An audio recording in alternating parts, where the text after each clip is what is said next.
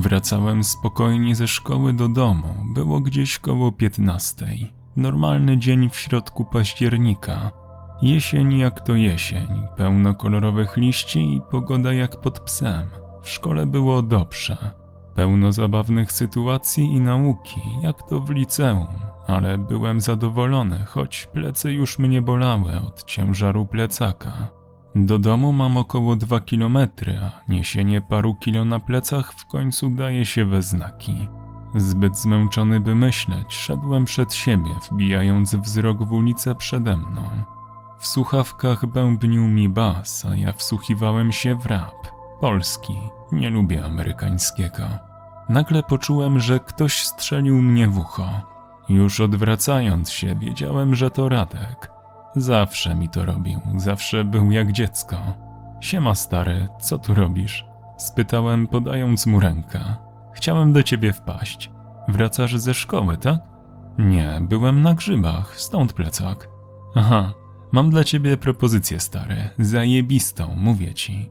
Było po nim widać, że jest podekscytowany. Bardzo podekscytowany. Jak chcesz, żebym jechał z tobą do galerii, to po pierwsze nie mam kasy, a po drugie siłę. Ech, Radek westchnął. Akurat nie o to chodzi. Stary, widziałeś ten dom, ten stary... A, ten. No tak, mamy tu trochę starych domów w okolicy, ale wiem o który chodzi. Dobra, daj mi skończyć, ok? W sumie to musisz go widzieć codziennie, bo chodzi mi o ten stary dom koło twojej szkoły. Tym jednym zdaniem wzbudził we mnie te same emocje, które siedziały w nim już od dawna. Dom, który doskonale widać z południowego skrzydła mojej szkoły, wygląda jak z horroru. Na małym pagórku góruje nad okolicą. Od dawna jest opuszczony i nikt w nim nie zamieszkał, odkąd opuścił go stary facet, który mieszkał tam odkąd pamiętam. W takich realiach dom został owiany przez uczniów tajemnicą i uznany za nawiedzone. Nieraz, gdy siedziałem znużony na lekcjach, wpatrywałem się w ten dom i zawsze przechodziły mnie dreszcze, gdy tylko zawiał wiatr i poruszył zasłoną wystającą z okna na drugim piętrze. No dobra, ogarniam. Co z nim? Spytałem, choć znałem już odpowiedź. Wybieramy się tam. Moi kumple z klasy ostatnio tam byli. Stary ogarnij, że tam są jeszcze fotografie rodzinne, książki, nawet folie na meblach. Folie na meblach? Dlaczego niby w dawno niezamieszkanym domu są folie na meblach? Jednak ważniejsze było, dlaczego tam są jeszcze meble. Musimy tam iść dzisiaj? Spytałem. Peniasz? Nie bądź cipką. Nie mam dziś sił, chcę się położyć. Haha, boisz się. Ja nie mogę, stary, przecież tam nie ma duchów, to tylko meble, fotografie i tak dalej. Nie miałem ochoty się tam wybierać. Nie chodziło o to, że miejsce jest nawiedzone. Jedyne czego wtedy chciałem, to walnąć się w ciepłą pościel i pospać przynajmniej do szóstej. Jednak Radek tak się na to napalił, że byłem pewny, iż i tak nie odpuści, więc... Dobra, westchnąłem. Chodź na chwilę do mnie, ogarnę się i idziemy. Dopiero teraz zobaczyłem, że Radek ma plecak. Co ty tam masz? No idę prosto ze szkoły. Nie opłacałoby mi się przecież wracać autobusem do domu i potem jeszcze jechać tutaj. No tak, zostawisz go u mnie. Po paru minutach byłem już gotowy. Wziąłem latarki i zapasowe baterie, gdyby zechciało nam się zejść do piwnicy. Więcej chyba nie potrzebowaliśmy, więc każdy z nas wepchnął po jednej z latarek do kieszeni, a ja wziąłem baterię. Wyszliśmy z domu i 20 minut drogi spędziliśmy na gadaniu o celu wędrówki. Radek opowiadał mi o wyprawie jego dwóch kolegów, ale po chwili mu przerwałem. Nie chciałem wiedzieć wcześniej tego, co sam zobaczę. Obydwoje byliśmy fanami tych wszystkich paranormalnych spraw, choć nie spodziewaliśmy się spotkać tam ducha. Jednak sama perspektywa przeglądania starych zdjęć i pamiętników była kusząca. Zamierzałem wejść na drugie piętro, na które nie weszli nawet koledzy mojego kumpla. Twierdzili, że coś ich powstrzymało, ale zapewne bali się, bo usłyszeli mysz albo wiatr hulający po korytarzu. Stanęliśmy przed furtką i spojrzeliśmy po sobie. Skinąłem głową i pchnąłem lekko bramkę. Nie drgnęła, więc pchnąłem mocniej. Dalej nic. popchnąłem z całej siły i dalej stała tak jak wcześniej. Wyglądało to jak przestroka. Podekscytowanie ustąpiło miejsca zaniepokojeniu. Pchnęliśmy furtkę razem i w końcu ze zgrzytem ustąpiła. Powoli ruszyliśmy zarośniętym ogrodem. Dokoła nas rosły drzewa, a my przedzieraliśmy się gęsiego przez trawę sięgającą nam do pasa. Zdziwiło mnie to, bo skoro byli tu już wcześniej koledzy Radka, to dlaczego nie ma żadnych śladów? Choć właściwie to nie powiedział mi, kiedy tam byli. Pomyślałem, że dostaję paranoi, więc wzbiłem wzrok na dom. Popatrzyłem w górę na spiczasty dach i serce podeszło mi do gardła, gdy kątem oka zobaczyłem ruch, białą smukę. Dopiero gdy spojrzałem dokładniej, uświadomiłem sobie, że to tylko zasłona, którą ktoś tam zostawił. Spojrzałem na przyjaciela, który szedł przede mną. Nie spuszczał wzroku z domu, jakby bał się, że ten zniknie. Po kilku minutach dotarliśmy do drzwi frontowych. Stanęliśmy na werandzie i patrzyliśmy na uchylone wrota. Przez szparę widać było tylko ciemność. Widocznie do przedpokoju nie dochodziło światło słoneczne. Wyjąłem latarkę, Radek zrobił to samo. Nie chciałem dotykać drzwi, więc pchnąłem je lekko nogą. Otworzyły się z okropnym zgrzytem. Skojarzyło mi się to z jakimś diabelnym harczeniem.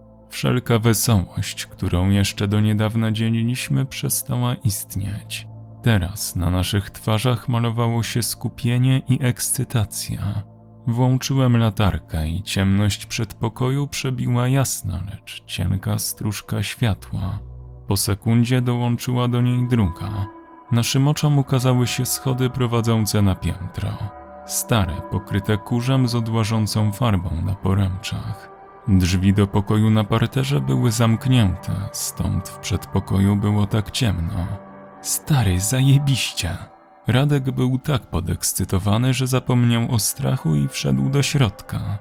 Gdyby tego nie zrobił, to pewnie stalibyśmy tam jeszcze dłużej, a potem byśmy zrezygnowali. Jednak zamiast wrócić do domu, my zagłębiliśmy się w ciemność.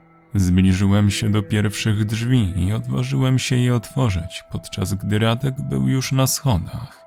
Stary, chodź tu, nie rozdzielamy się. Syknąłem na niego. Kurwa, ja chcę już na górę. Powiedział, ale zawrócił i stanął obok mnie. Wcześniej nie zwróciłem uwagi na to, co jest za drzwiami, więc gdy odwróciłem głowę, poczułem rozczarowanie. Pokój był pusty. Żadnego mebla, żadnej zasłony w oknie, kompletnie nic. Podszedłem do następnych drzwi i je otworzyłem. Nic. Do kolejnych również nic. Otwierałem każde drzwi po kolei i w żadnym spokoju nie było żadnego mebla. Kompletna pustka. Wkurzyłem się na Radka. Gdzie są te wszystkie fotografie i pamiętniki, folie na meblach, same meble? Odwróciłem się do kolegi, ale jego mina zdradzała takie samo zdziwienie, jakie sam odczuwałem. Stanąłem przed drzwiami do piwnicy. Czemu w horrorach zawsze całe zło mieści się w piwnicy? Czy dlatego, że jest ona bliżej ziemi niż inne części domu? Nie wiem, ale takie i inne myśli zaczęły mi chodzić po głowie. Jednak zebrałem w sobie całą odwagę i chwyciłem za klamkę.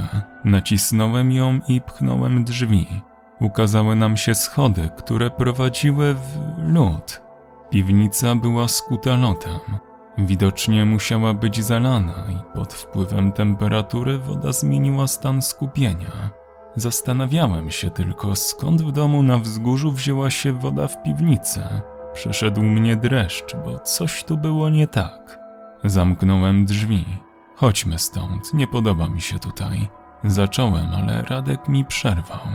Chcę zobaczyć piętro, zresztą sam mówiłeś, że pójdziesz na samą górę.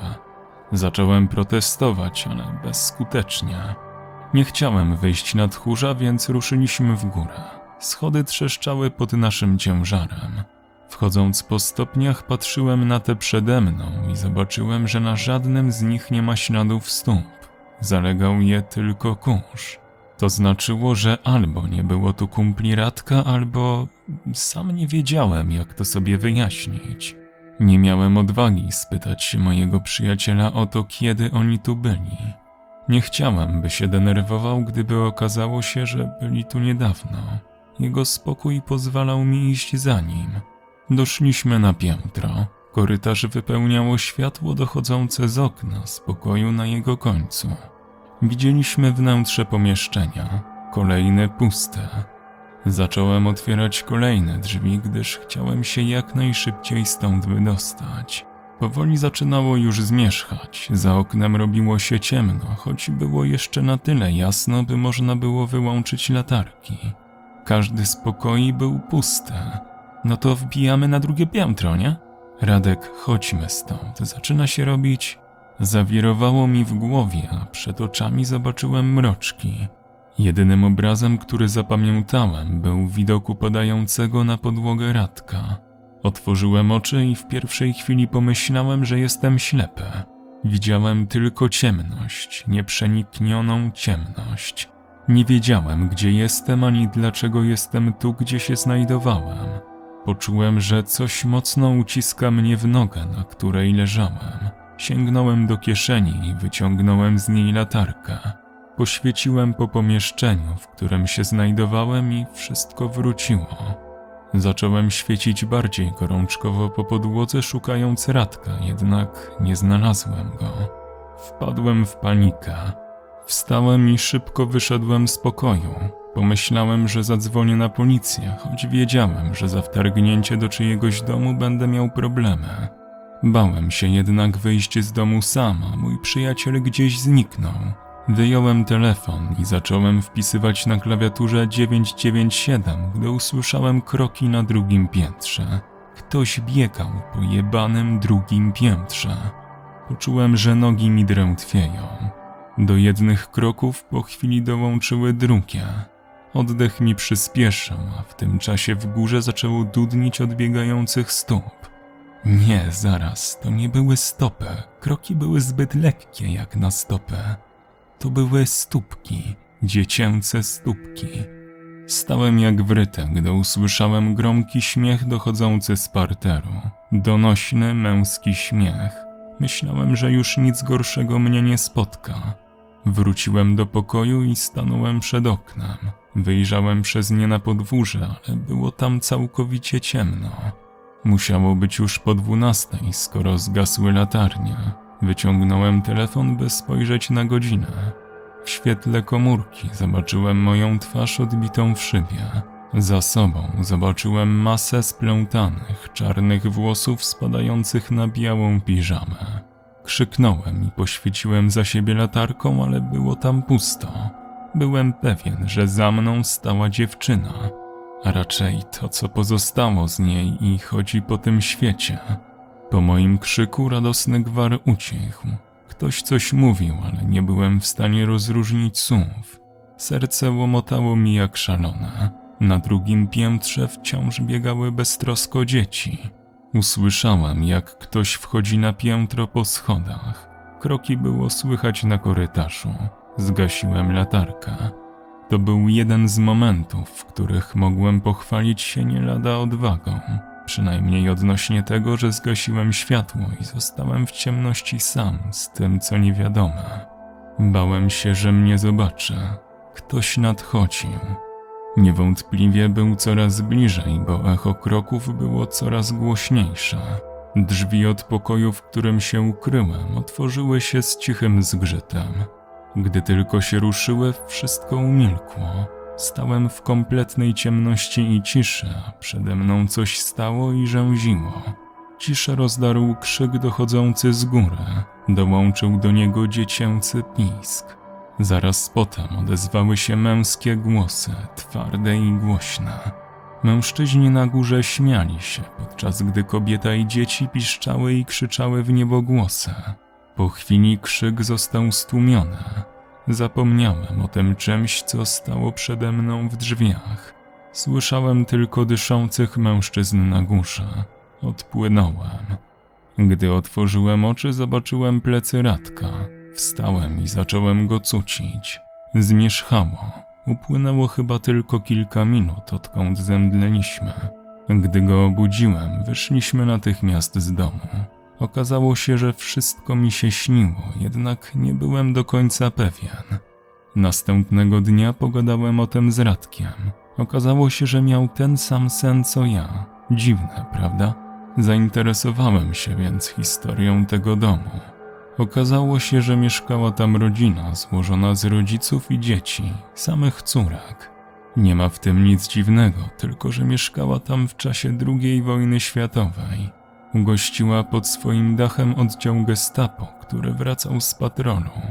Niemcy grali w karty na parterze, podczas gdy matka z dziećmi została na drugim, nieużywanym zazwyczaj piętrze.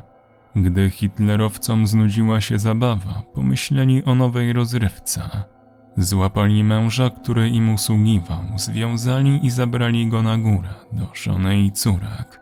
Tam zaczęli się dobierać do jego żony, przez co dziewczynki zaczęły krzyczeć. Dołączył do nich ojciec, ale prawdziwa tragedia zaczęła się właśnie wtedy. Gestapowcy poderżnęli gardła dziewczynkom, a potem zgwałcili, każdy po kolei ich matkę. Kazali na to patrzeć jej mężowi. Później i ją zabili, ale mężczyznę oszczędzili. Biedny facet nie wytrzymał i następnego dnia zabił się w pokoju na piętrze. Zobaczyłem fotografię i poznałem na niej jedną z córek mężczyznę. Była to oczywiście twarz, którą zobaczyłem w szybie. Nie bałem się już domu po poznaniu jego historii. Gdy się o tym wszystkim dowiedziałem, to poczułem, że ktoś z tego domu chciał mi po prostu przekazać tragedię ludzi, którzy tam mieszkali. Jednak zastanawia mnie jedno. Skoro wszyscy domownicy i gestapowcy byli na górze, to kto harczał na mnie sprzed drzwi? Autor opowiadania Marart czytał Kwadyrotes. Osoby wspierające powstawanie nowych treści to Krzysztof Drozdowski, Kalusia, Syrenka Ladacznica, Brutal Drop, Jojomoto, Arkadiusz Waszkiewicz, Sebastian Król, Anna Rachuba, Michał Paszkiewicz, Gregorikos, Laki Guzi, Jan Bartol, Roxana Dąbrowska, Mateusz Z, Reker.pl, Fra Martin, Arachian oraz Wiktor Walczak. Do usłyszenia.